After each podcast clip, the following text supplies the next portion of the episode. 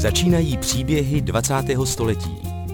Pravidelně v tomto čase se pokoušíme osvětlit známé i zapomenuté události moderní historie. Vyprávíme osudy, na které se zapomnělo nebo se mělo zapomenout. I české dějiny mají své hrdiny a zbabělce, temná období i chvíle velkých činů. Dnešních příbězích, jimiž vás provází Adam Drda, se vracíme ke vzpomínkám filozofky, novinářky, političky a spisovatelky Daní Horákové. Říká, že má dva oddělené životy, český a německý, které se jen místy prolínají. V tom českém vystudovala filozofii, byla mimo jiné dizidentka, signatářka Charty 77 a oběť intenzivního zájmu státní bezpečnosti, která úspěšně usilovala o to, aby se Daňa Horáková vystěhovala na západ. V německém životě byla dlouhá léta kulturní redaktorkou deníku Bild a dalších velkých listů a v letech 2002 až 2004 působila jako kultur senátorin neboli ministrině kultury hamburské zemské vlády. Čeští čtenáři znají Daňu Horákovou také díky knize, která vyšla v roce 2020 v nakladatelství Torst pod titulem O Pavlovi a pojednává především o autorčině složitém vztahu s někdejším manželem, filmovým režisérem a spisovatelem Pavlem Juráčkem.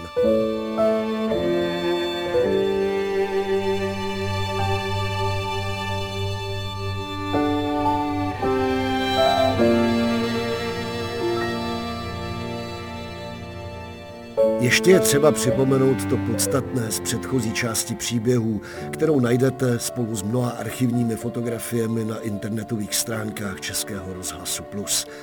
Daňa Horáková se narodila v březnu 1947 v Sasku v Greenbachu. Její otec Karel Horák byl Čech, totálně nasazený v říši. Maminka Věra Rebeka, ruzená Rezl, byla Němka z komunistické antifašistické rodiny. Manželé Horákovi se roku 1949 přestěhovali s dcerou Daňou do Československa, kde se pak narodila její mladší sestra Lenka. Daňa Horáková vystudovala v Praze filozofii, vedl jí Milan Machovec, s nímž se zpřátelila. Do podzimu 69 byla na ročním stipendiu ve Spojených státech. Po návratu pracovala mimo jiné jako odborná asistentka filozofie na ČVUT v Praze a jako redaktorka angloamerické beletrie v nakladatelství Naše vojsko, odkud ji vyhodili z politických důvodů. Ve svém bytě v Pařížské ulici pořádala bytové semináře.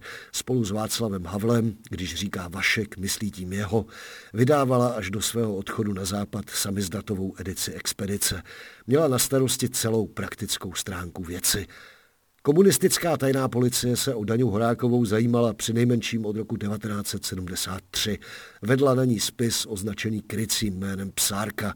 Po podpisu charty byla sledována, opakovaně vyslýchána, držena v celách předběžného zadržení já si myslím, že to ještě bylo snesitelné. Já, já vím, že, prostě, že chlapi, že, že zmlátili Landovského, zmlátilo, tak to ne, tak to se mnou nikdy nebylo. Mě nikdy přímo nezmlátili, akorát jednou hmm. trošičku na tom plese železničářů, to mě prostě narazili v obratli. Ale to nejhorší, že mě vyhražovali, že začnou persekuovat také moji sestru, moje rodiče, a jednu kamarádku. Jo? Já jsem jeden ten pokoj v té pařížské pronajímala, abych měla na činži. To byly tři pokoje, jeden byl pronajímala. A ta paní, co, ta, tenkrát holka, co mě bydlela, měla malinký miminko a oni um, odvezli na výslech a když jsem byla pak já ve vazbě, tak mi říkali, jako, že už nemůže kojit.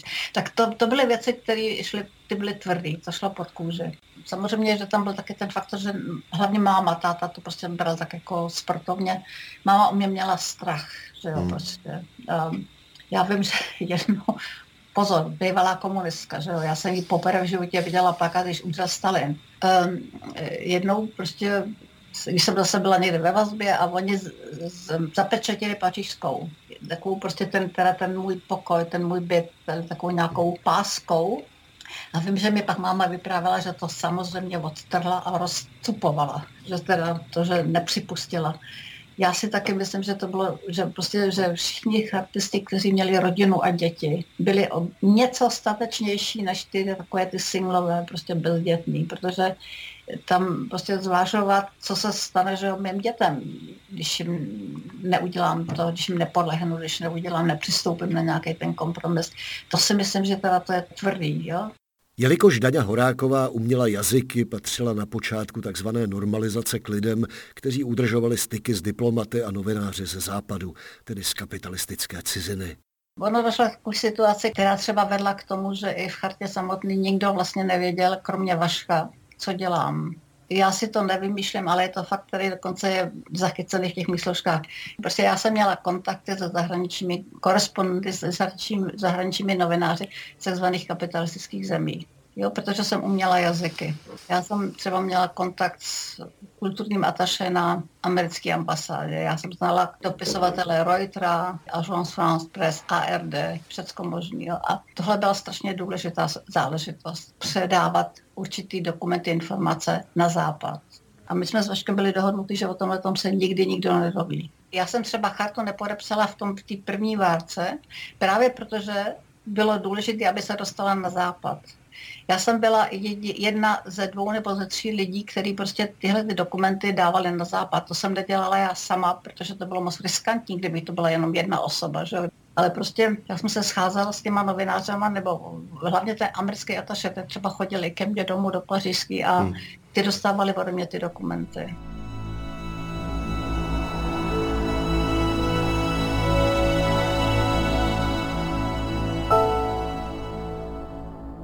V roce 1974 poznala Daňa Horáková režiséra Pavla Juráčka. Natočil mimo jiné výrazný film Případ pro začínajícího kata. Po sovětské okupaci patřil k zakázaným umělcům, psal deník, který o té době vydává zásadní svědectví a který vyšel samozřejmě až posmrtně. I Pavel Juráček podepsal Chartu 77. Na rozdíl od většiny dizidentů směl odjet z Československa na západ a vracet se domů. Byl na vás vyvíjený nátlak, abyste odešla? Ano.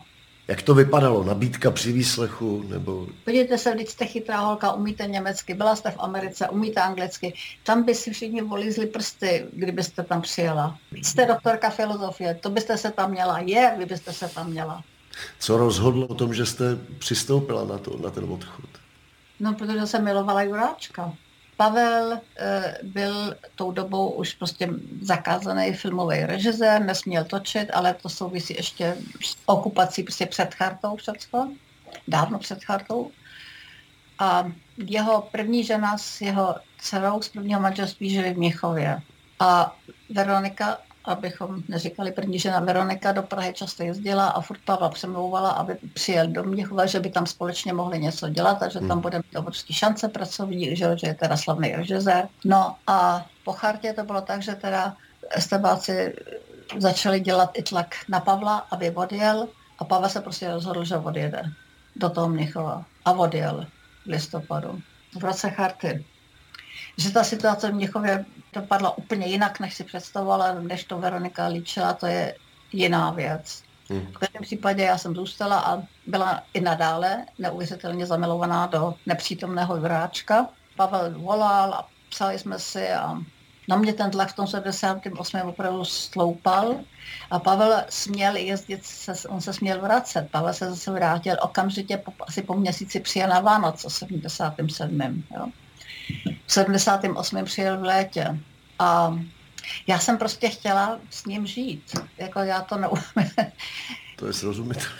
To bylo prostě pro mě to nejdůležitější vůbec a také jsem si říkala, Hergo, utíká tě čas, ale hlavně jsem si říkala, on tě potřebuje. Já když jsem ho poznala, tak on byl samozřejmě krásný a slavný, ale on byl hlavně e, bytostně nešťastný. On už prostě byl sám, on sám se už de facto odepsal, že jo. On systematicky se věnoval jenom dvěma věcem. Sebezničení, seberestrukci a psaní toho deníku, o čemž já, jsme nikdo nevěděli, my jsme nikdo nevěděli, že on píše deník. No a já jsem se prostě rozhodla, že ho zachráním před ním samotným, že mu prostě vrátím energii a chuť do života a že prostě budu jeho dobrá víla, no tak to byl jeden z životních projektů, ve kterých jsem totálně selhala, protože jsem ho nezachránila protože člověk nemůže zachránit někoho, kdo zachránit být nechce. On nechtěl být zachráněný. No tak v každém případě se vrátil a potom v létě jsme měli docela krásný léto, takový, chodilo se na houby. No a on zase odjel a já jsem zase byla sama a zase na mě se jako ten tlak furt zvyšoval a když přijel na Vánoce 78, s tím teda, že se během 14 dnů vrátí, tak se situace poněkud změnila a zostřila, neboť tenkrát se muselo vyjíždět takzvanou výjezdní doložkou. V každém případě mu jeho, jeho estebák vzal výjezdní doložku, no a v průběhu ledna de facto mu oznámili, že mu tu výjezdní doložku nevrátí, dokud si mě nevezme, dokud mě nevyveze. A já jsem samozřejmě řekla, já nikam nepůjdu, já prostě neopustím republiku. Já bych řekla z takových to převážně z politických důvodů, že jsem nechtěla zradit, nechtěla jsem prostě být srab, nechtěla jsem selhat, nechat se zlomit.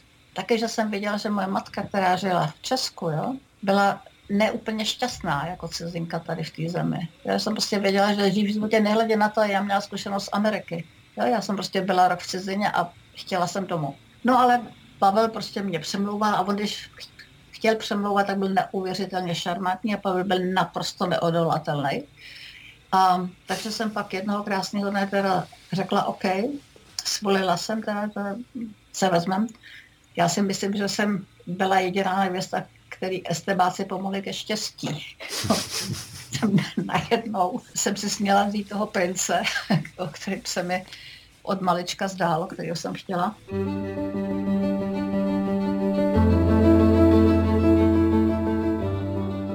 Posloucháte příběhy 20. století.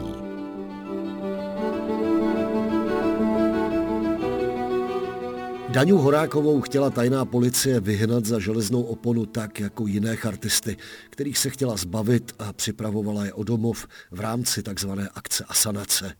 No, takže pak teda jsem dostala i já pas. V polovině února jsem řekla OK, teď o to Pavel zařídil nějaký ty papíry, svatba byla 22. února ve čtvrtek 79. Ještě v pondělí jsme neměli ani jeden, ani druhý svatebního svědka. A Vašek, který by mě byl normálně, že svědčí, byl na hrádečku. Takže já jsem pak šla za Vaculíkem a poprosila jsem ho, jestli by mě šel za svědka. On řekl samozřejmě rád a já byla šťastná, že mám svatebního svědka. Problém byl v tom, že jsem neměla šaty svatební. Já jsem si vždycky představovala, že se budu vdávat bílých tylových šatičkách dlouhých a s květinovým věnečkem na hlavě. A, a my jsme neměli ani svatební prstinky, ty nám půjčil Martin Hofmeister.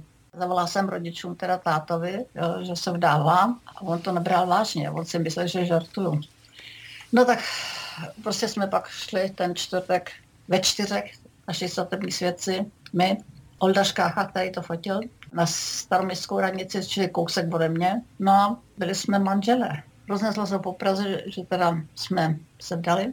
A já jsem v ten den prostě v zoufalství absolutní popadla svůj pas a vyhodila jsem ho z domu do lesa, do stráně. Já jsem ještě den své svatby prostě strašně moc nechtěla nikam jezdit. Různí kamarádi, kteří třeba ke mně chodili na salon, i moje nejmilější kamarádka, s kterou se kamarádem dodnes mi říkají, že jsem udělala pařížský večírek na rozloučenou. Já to je pro mě jedna z takových těch záhad celoživotní. Já se na to absolutně nepamatuju. Já prostě, já o tom nic nevím. Všichni mi říkají, že to bylo neuvěřitelné, že tam prostě proudili lidi a loučili se a že, že, že já jsem prej, že prej všichni brečeli a já, že jsem se usmívala. A to prostě já se skutečně na to nepamatuju.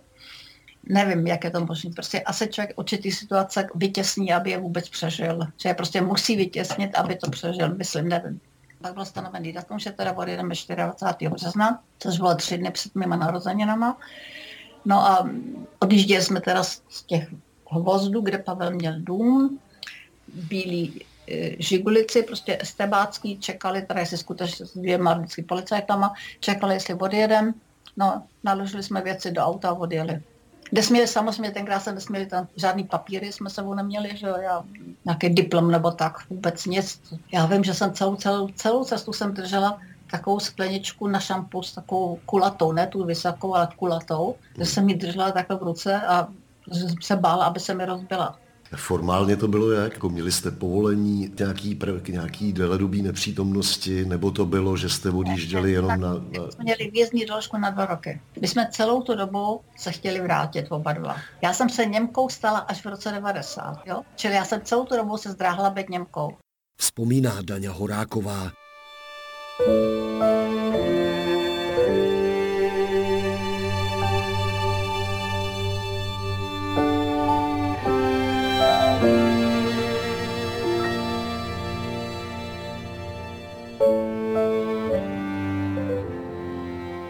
Exulantech z komunistického Československa se říkává, že šli za hranice, tedy za železnou oponu, aby si ekonomicky polepšili.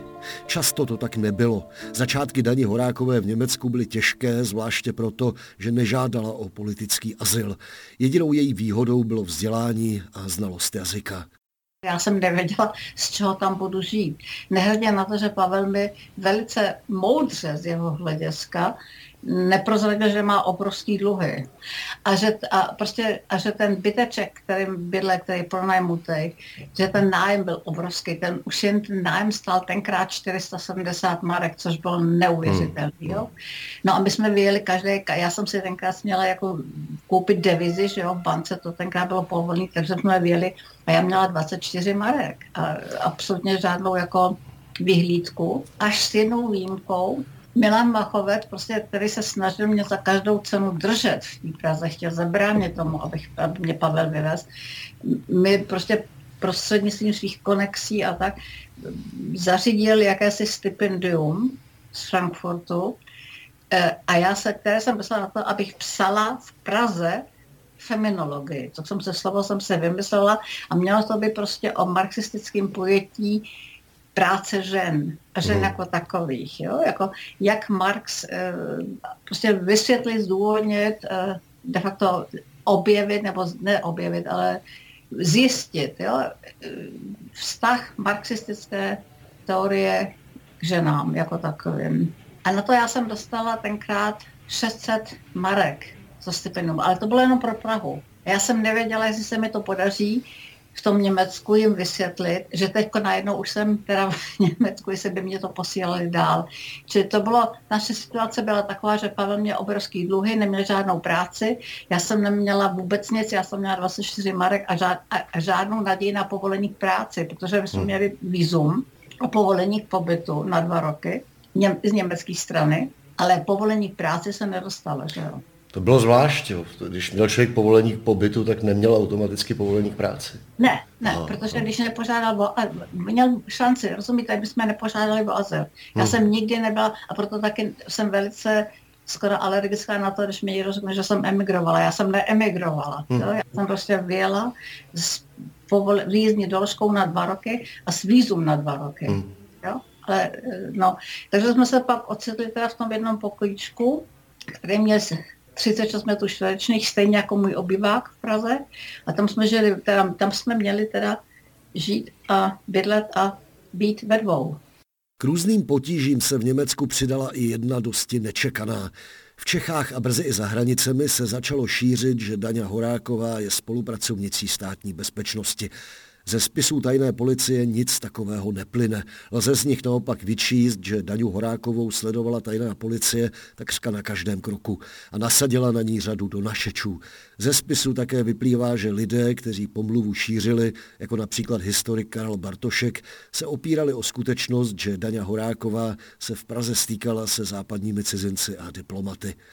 V roce 1980 vyšla v samizdatu kniha Ludvíka Vaculíka, která pomluvu tematizuje.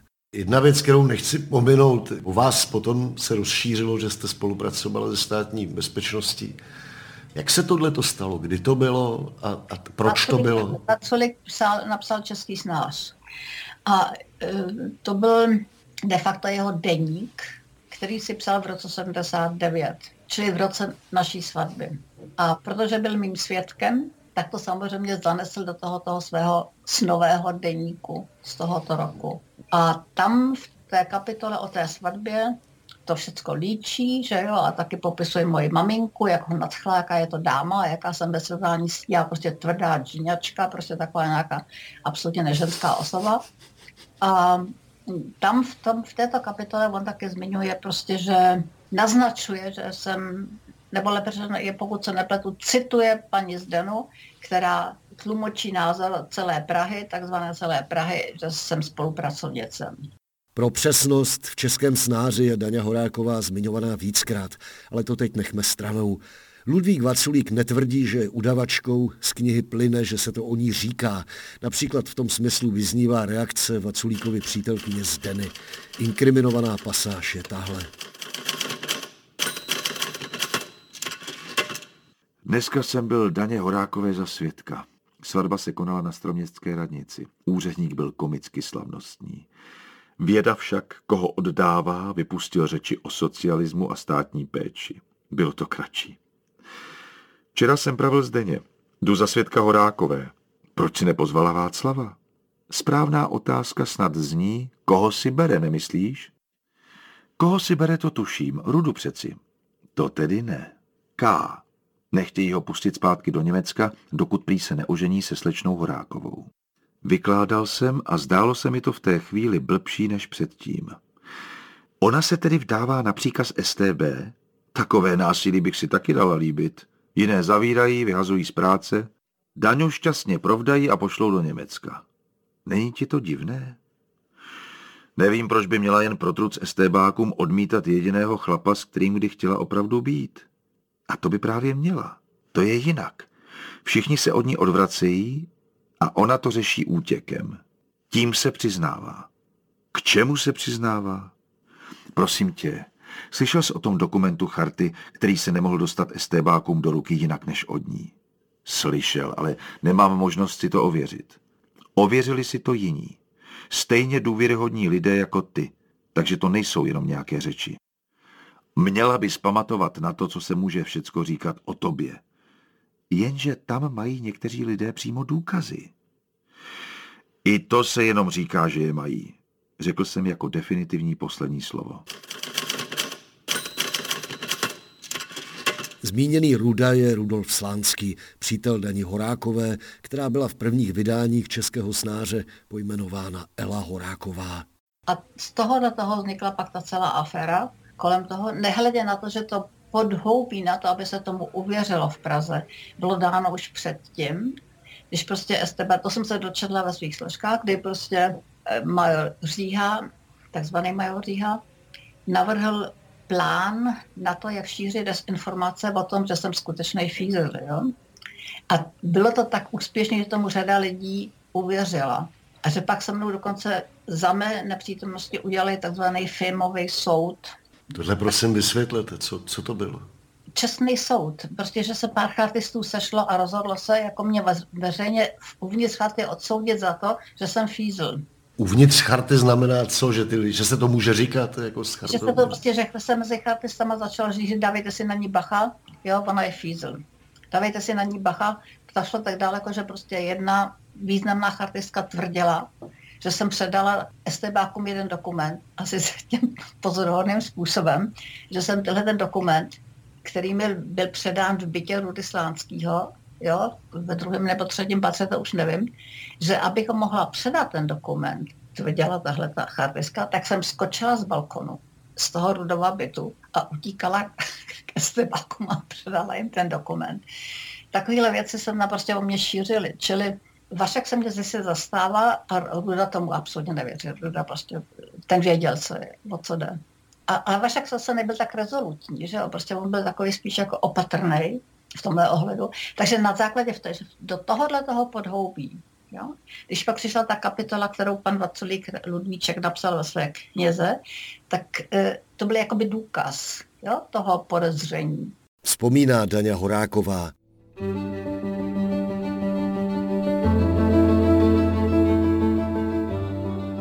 Posloucháte příběhy 20. století.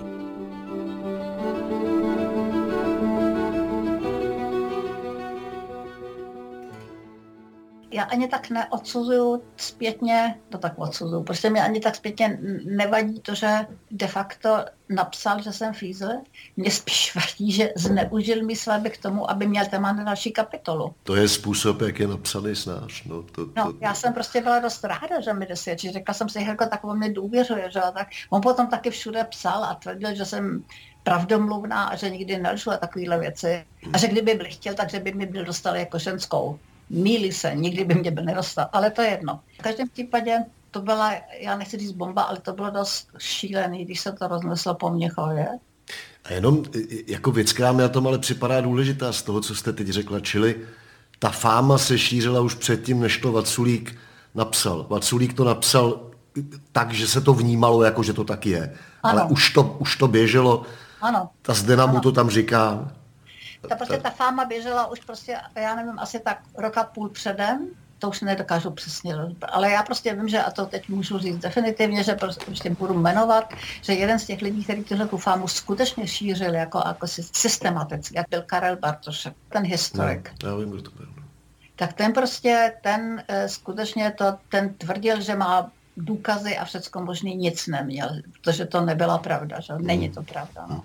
To taky musí být dost hrozný, co člověk prožívá v tu chvíli, když se nemůže vůbec jak bránit. Šok. Vám se to doneslo? Jak? V tom Mnichově, že prostě jednoho krásného dne prostě zvonil nepřetržitě telefon a všichni různí Češi volali Pavlovi říkali, hele, máš fízla, opustí.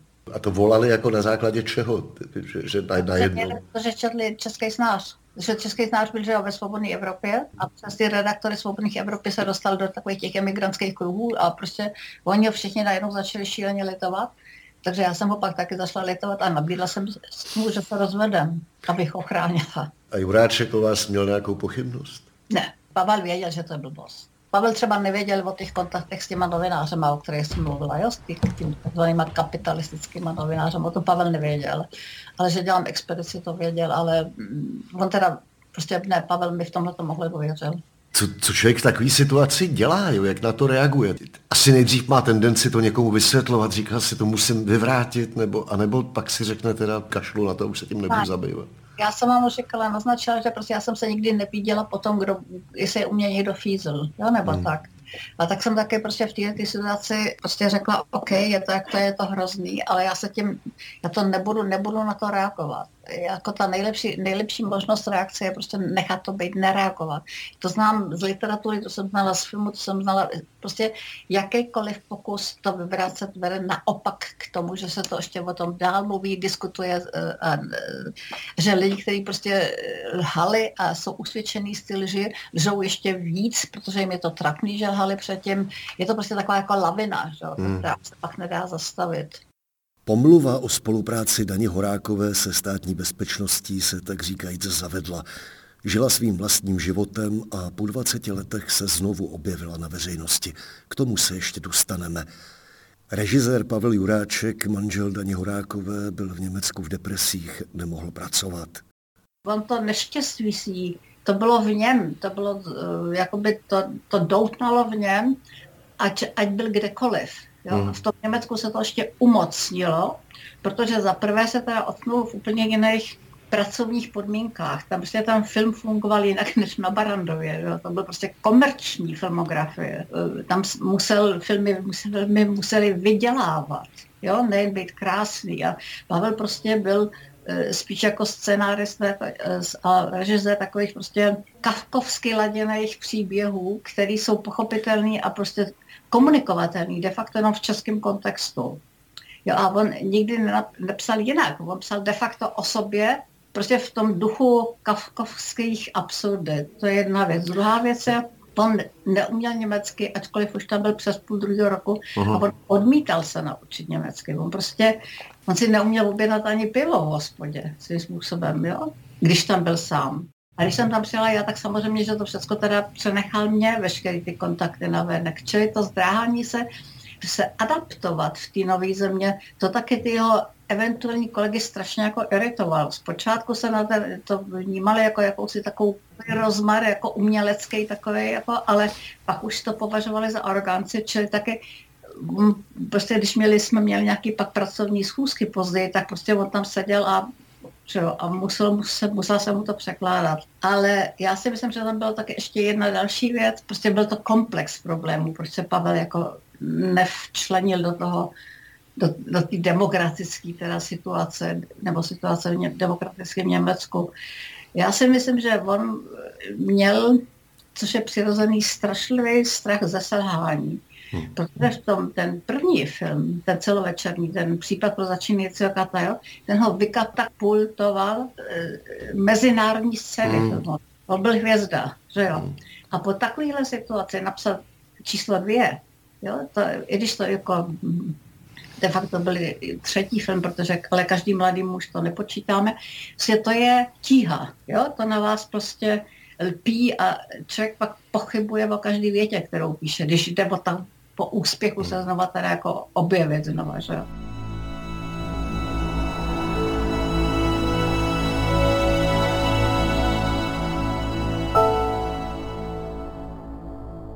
Takže to byl obrovský komplex problémů. No a nehledě na to, že ten jeden pokoj a on prostě spal do oběda, že jo, a kouřil a já jsem raní ptáče a nekuřák, takže to bylo takový jako i každodenně dost zašmodrchaný.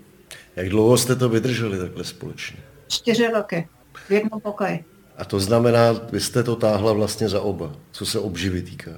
Vyjádře pak už ano. Jo. Já jsem prostě z, tý, z toho Frankfurtu, teda z Stiftung, z té nadace přijali za mnou do Měchova, udělali se mnou takový pohovor, takovou jako zkoušku a požádali mě o nějakou aspoň kapitolu nebo expoze, což jsem udělala, takže oni mi pak asi po půl roce povolili to stipendium mm-hmm. a přijali mi to do Měchova, ale to, to stačilo tak akorát na tu change. Jo? Na ten jeden já... nájem jsem chtěl říct právě. No právě, no, no, no, no, no. A já jsem pak velice brzo eh, měla obrovský štěstí, protože naše domovnice tam, jo, tak, kde jsme byli, byla Češka. Strašně příjemná, milá, hodná Češka.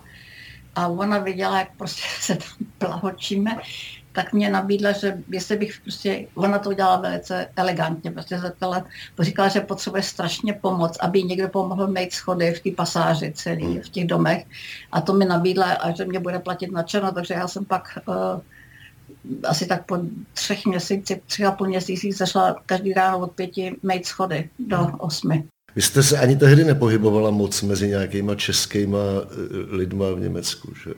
Já jsem to odmítala. Pavel byl, samozřejmě Pavlovi jediný kontakt v Měchově byli emigranti, jo? Hmm. protože s nima mohl mluvit česky a on mě taky několika představil a tak, ale já jsem prostě, to nebyl můj svět. Já jsem prostě s ním chodila na různé takové ty večírky, když jich nebylo moc, který jsem absolvovala, ale eh, mě prostě iritovala ta atmosféra tam, jo? protože to byli emigranti už z roku 68. A většina z nich, já to nechci moc generalizovat, ale většina z nich prostě nadávala na, ty, na tu svou situaci. Jo?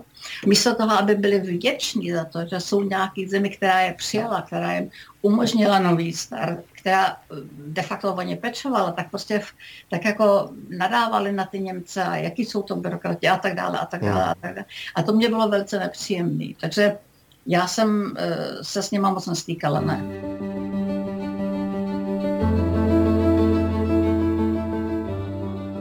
Posloucháte příběhy 20. století.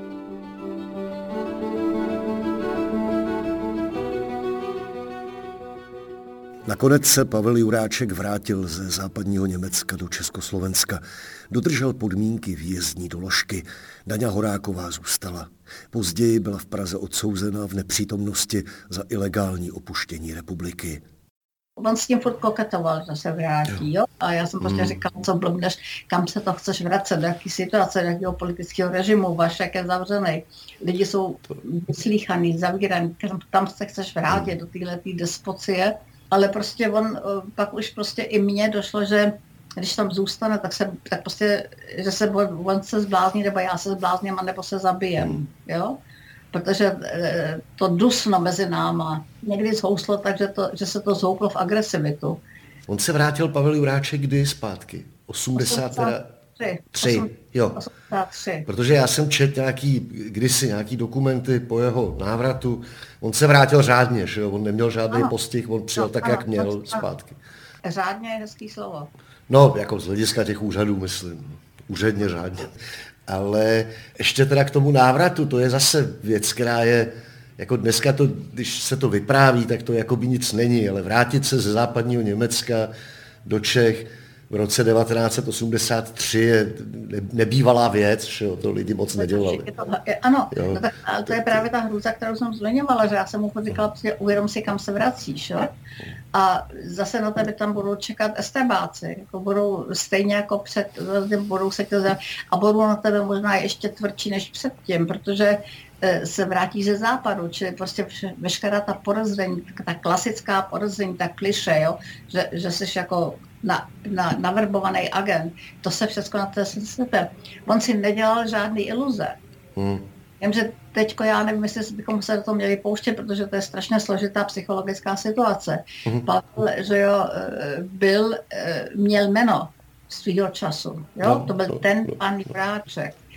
Eh, pokud byl v Praze a pokud za ním jezdili ty fízlové nahvozy, tak furt ještě se o něj někdo zajímal furt ještě někomu překážel, furt ještě byl někdo. V Německu byl nula. V Německu nikdo nevěděl, kdo je po čase, že, z začátku, jo, ty kolegové. Prostě v Německu nikomu nepřekážel, nikoho nezajímal. Čili do jisté míry si myslím, že to rozhodnutí se vrátit bylo taky podmíněný tím, že chtěl zase, aby se o něm aspoň trošku vědělo. Jednak. Za druhý, v Německu už si po určitém čase neměl od koho půjčit. E, v tom Česku se furt ještě mohl najít někdo, kdo by ho držel nad vodou. Jo? Měl tam maminku ještě, jo? která ho celý život podporovala. Měl tam spoustu známých. Když se Pavel Juráček, klíčová postava teda asi vašeho života, když se vrátil zpátky, vy jste potom byli v kontaktu ještě? Nebo už jste... My jsme si, teda on telefonoval, psali jsme se, já jsem ho do jistý míry ještě prostě podporovala eh, delší dobu. Pak jsem taky toho už nechala, ale prostě my jsme měli kontakt. Ale už jsem ho nikdy neviděla. Pavel Juráček zemřel v Praze v květnu 1989.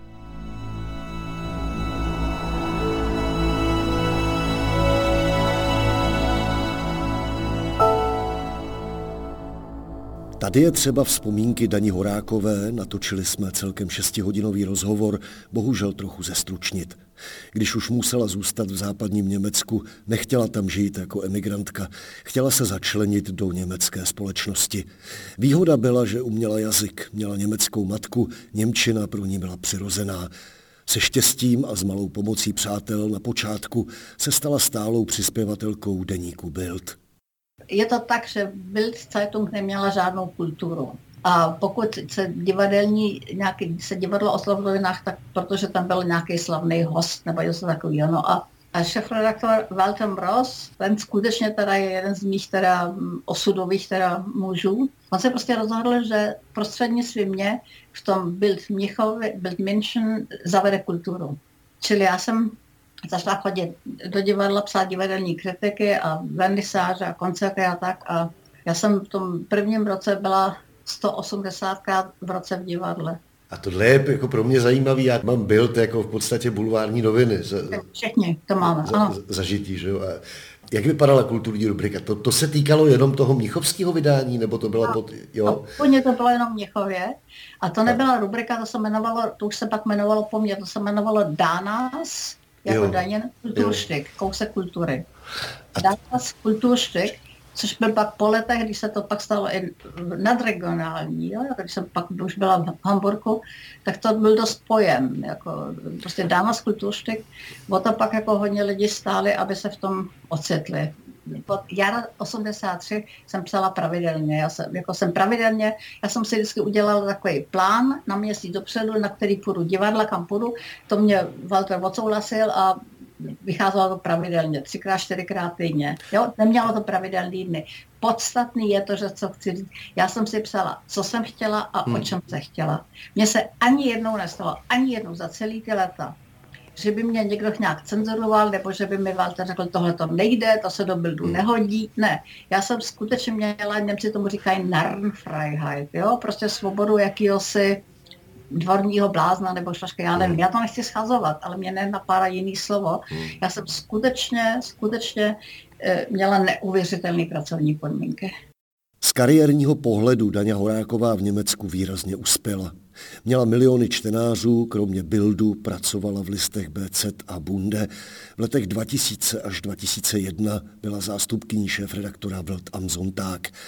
V roce 1989 sledovala, stejně jako všichni ostatní, jak se hroutí sovětská říše, ale do Československa se už natrvalo vrátit nechtěla někdy začátkem roku 90, krátce po sametu, jo, jsem prostě měla příležitost ehm, nebo nabídku prostě stát se kulturním ataše v Německu. Takže jsem se vydala do Prahy. Vím, že muselo to být nějak ehm, v leden, únor, to už nevím přesně, protože vím, že celou cestu sněžilo. Přijela jsem do Prahy, zaparkovala jsem na ehm, malostranském náměstí, tam se ještě dala jezdit. Byl z auta a najednou slyším nějaký hlas, Daňo, seš to ty? Mě prostě po těch x letech tam byl nějaký člověk, který mě poznal, jenomže na mě padla hrůza. Jo, protože já jsem říkala, Herko, sotva jsem tady, tak už mě zase sledujou. To, bylo, to, to byla paranoia, ale takhle to na mě působilo, jo, v tu chvíli. A pak jsem vyšla na Rudovkou na Lortácký náměstí, stojím před zaminy, odevřít ty, ty velké těžké dveře a ten eh, vrátný mi řekne, tak soudružko, ukaž mi občanku. A mně došlo, že to je že se de facto nic nezměnilo, nebo ještě dlouho nezmění, protože to podhoubí těch lidí zůstane na, na strašně dlouho takhle stejný. Jo? Já jsem nebyla nikdy ve straně ani nikde a on mi tykal. Tykal mi vrádnej a říkal mi soudružko po revoluci. Pro spravedlnost to zase netrvalo tak dlouho. To, to, to. Ale máte, já vám rozumím, co máte na mysli. No. no. Jo, protože já jsem si řekla, víte, já už jsem taková byla dost jako já už jsem byla v bunte, to bylo, mm. já už jsem prostě jezdila po světě, já jsem už měla prostě pevný místo, jako, mm. já jsem měla, hlavně jsem měla ten zážitek té svobody. Já jsem prostě skutečně mohla psát, co jsem chtěla a jak jsem chtěla. Až na teda korektory, který upravovali, když jsem dělala pravopisné chyby čas od času tenkrát. Ale tenhle ten zážitek, že prostě mám práci, která mě neuvěřitelně baví, která mě naplňuje, jo, hmm. která mě de facto nahrazuje i jakýhosi životního partnera. Prostě za mě se stal workoholik. A to jsem najednou měla zaměnit za co? Hmm. Za člověka, který mi říká, za, nebo za, prostě za soudružku. Samozřejmě, že jsem sledovala všechno v televizi a tak, ale aby ve mně vznikla taková nějaká žhavá potřeba se vrátit, to ne.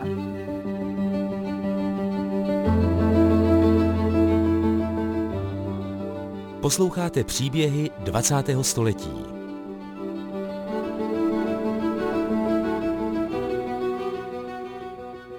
Pomluva o spolupráci Dani Horákové se státní bezpečností se vrátila víc než deset let po pádu komunismu, v době, kdy nastupovala do své první a jediné politické funkce.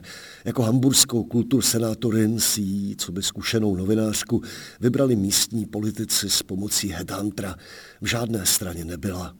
Já jsem se v roce 2002 stala ministriní kultury v Německu, v Hamburgu. A jsem bezpartijní. Takže prostě ty senát, ty, vlastně ty ministři, kteří se rozhodli, že teda mě budou, že budu v té vládě spolupracovat, museli mě předložit a představit svým, svým frakcím v tom parlamentu.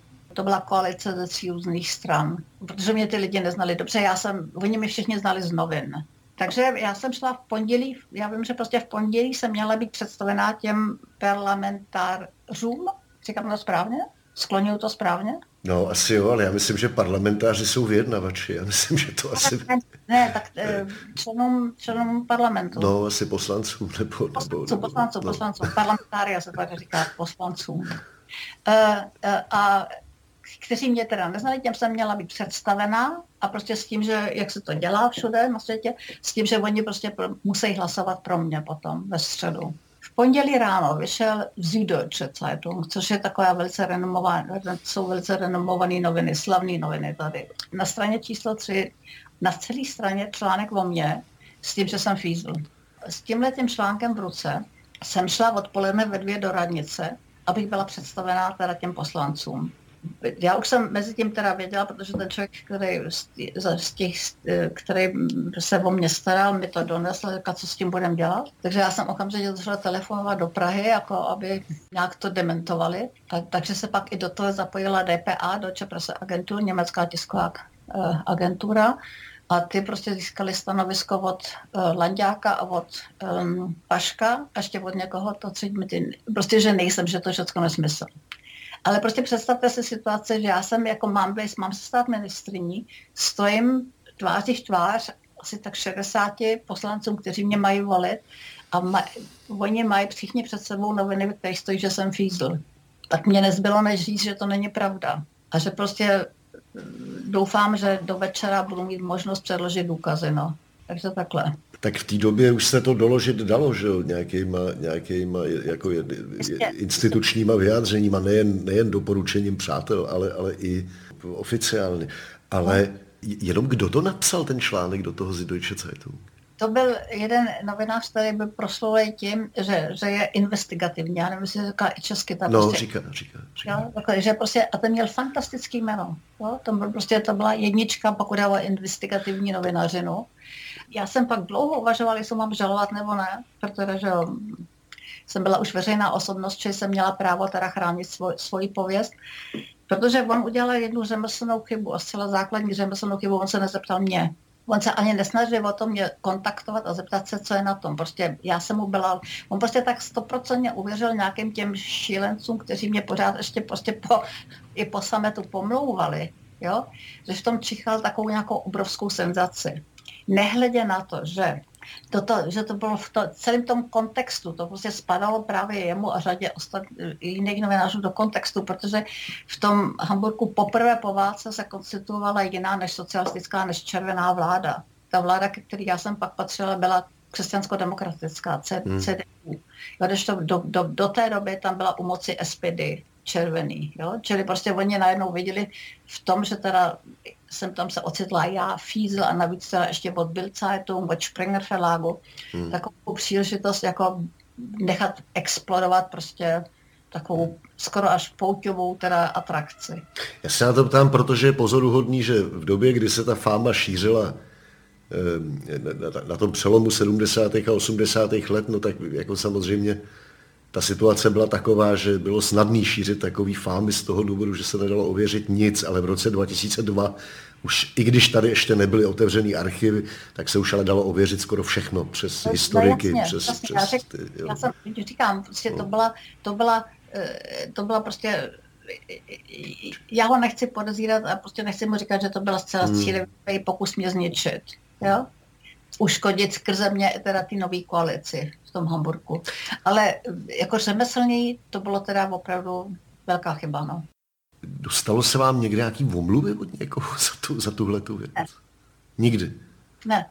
Já ani omluvu nečekala od někoho.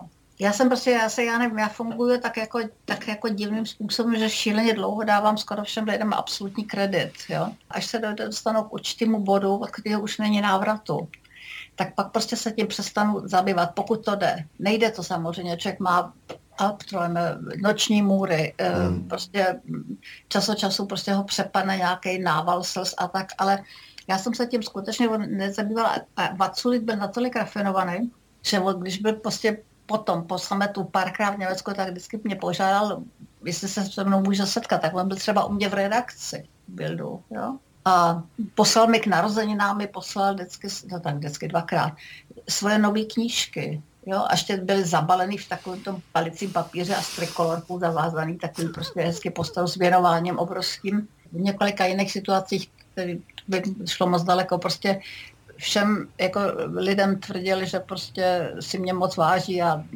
prej o mě mluvil velice něžně. Jo. On se mi nikdy přímo výslovně, nebo takhle, aby řekl, já se ti promiň, že jsem to takhle tenkrát to neudělal nikdy, mm. ale tak jako oklikama eh, na mě chtěl začít být šíleně hodnej, no. Když nehodnej, tak vlídnej. Hamburskou ministriní kultury byla Daňa Horáková dva roky. Přispěla mimo jiné k výstavbě nové budovy tamní filharmonie. Potom se věnovala literatuře faktu. V Čechách, jak už jsme zmínili, jí vyšla kniha o Pavlovi a také próza, kterou napsala už v roce 1978, Den plný pitomců. Stále žije v Německu. A to je konec příběhu 20. století, které byly dvakrát za sebou věnovány vzpomínkám signatářky Charty 77, filozofky, novinářky, spisovatelky a političky Dani Horákové. Za pozornost vám děkuje a od mikrofonu se pro tentokrát loučí Adam Drda. Tento pořad vznikl ve spolupráci Českého rozhlasu a neziskové organizace Postbellum. Vše o příbězích 20. století najdete na internetu Českého rozhlasu Plus, na portálu Paměť národa nebo třikrát dvojité v postbellum.cz.